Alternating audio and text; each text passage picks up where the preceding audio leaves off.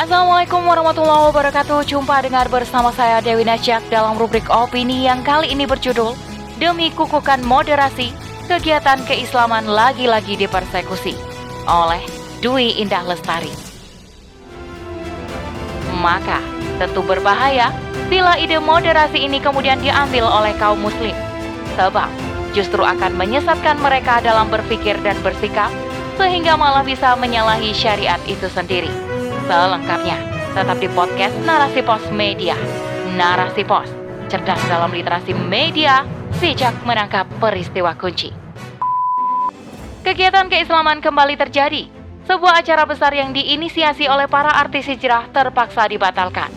Di tengah animo masyarakat yang sedang tinggi untuk berhijrah, hal ini tentu sangat mengecewakan dan menimbulkan tanda tanya. Ada apa sebenarnya? agenda Surabaya Islamic Festival yang sedianya akan diselenggarakan oleh Hijrah Fest pada 14 hingga 16 Oktober 2022 akhirnya dibatalkan. Pembatalan acara tersebut adalah buntut dari protes yang dilayangkan oleh dua organisasi besar Islam di Jawa Timur. Alasannya, lantaran perhelatan itu telah mencatut logo kedua lembaga tersebut tanpa izin serta adanya indikasi pengisi acara yang terlibat kelompok terlarang dan anti Pancasila. Dikutip dari laman yang sama, pemerintah bahkan didorong untuk membuat regulasi pelarangan penyebaran paham Wahabi di Indonesia dalam bentuk apa pun melalui media mana pun. Ajaran kelompok tersebut dipandang sering menyudutkan tradisi keagamaan yang ada di Indonesia dengan label bid'ah, sehingga sering menimbulkan perdebatan. Paham Wahabi juga dinilai tidak sejalan dengan moderasi beragama yang tengah dibangun pemerintah.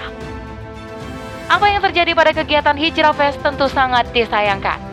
Padahal kegiatan keislaman seperti itu justru akan menciptakan atmosfer keimanan di tengah masyarakat yang memang sedang bergelora oleh semangat hijrah.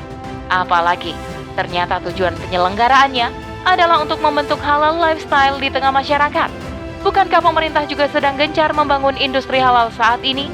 Namun, persoalan izin logo bukan satu-satunya alasan pembatalannya adanya para ustadz pendukung organisasi yang sudah dibubarkan pemerintah sebagai pengisi acara juga turut menjadi faktor pelarangan.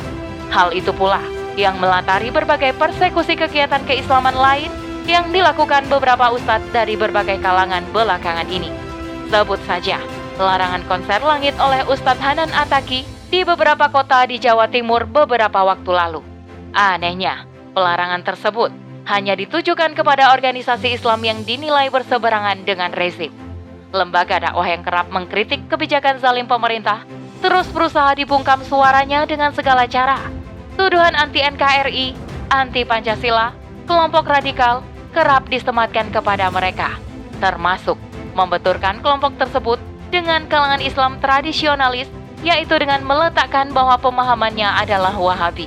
Padahal, Tuduhan itu belum pernah dibuktikan. Perbedaan pendapat di kalangan kaum muslim sebenarnya hal yang tobii. Pemerintah pun saat ini selalu menyerukan toleransi terhadap keberagaman yang ada.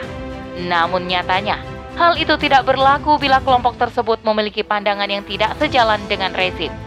Maka wajar bila diduga ada motif lain dari berbagai persekusi kepada kelompok-kelompok tersebut. Sebagaimana yang disebutkan dalam rekomendasi dari sebuah organisasi Islam kepada pemerintah terkait pelarangan paham Wahabi, bahwasanya ajaran mereka dinilai tidak selaras dengan moderasi beragama, di mana pemerintah berkomitmen untuk membangun dan mengukuhkannya di tengah masyarakat. Inilah sebenarnya yang menjadi motif sesungguhnya.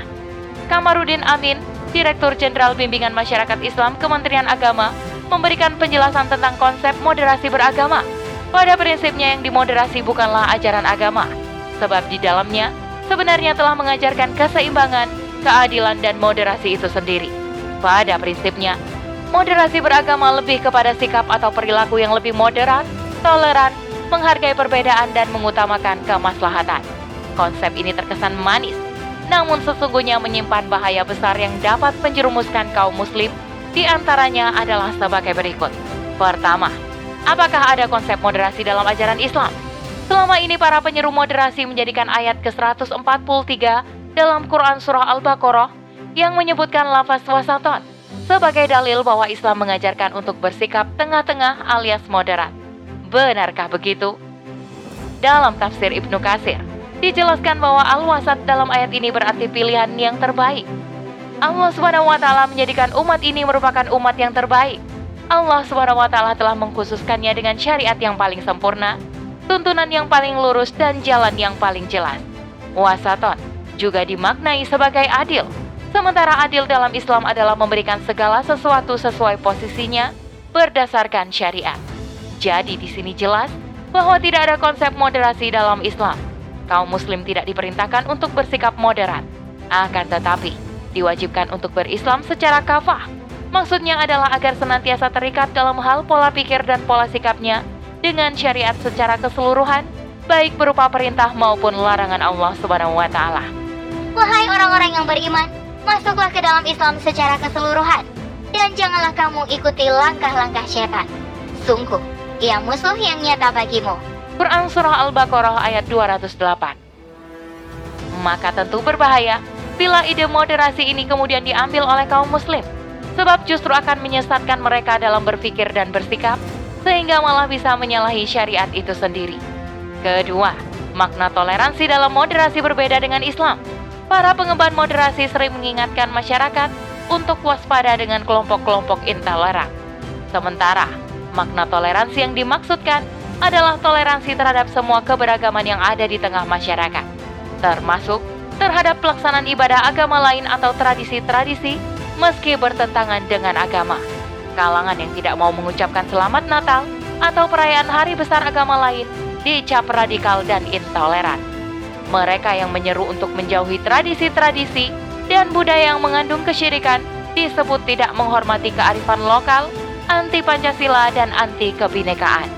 Sementara dalam Islam, toleransi yang dimaksudkan adalah membiarkan dan menghormati pemeluk agama lain dalam menjalankan aktivitas ibadahnya masing-masing tanpa harus turut terlibat di dalamnya. Wujud nyatanya adalah dengan tidak mengganggunya.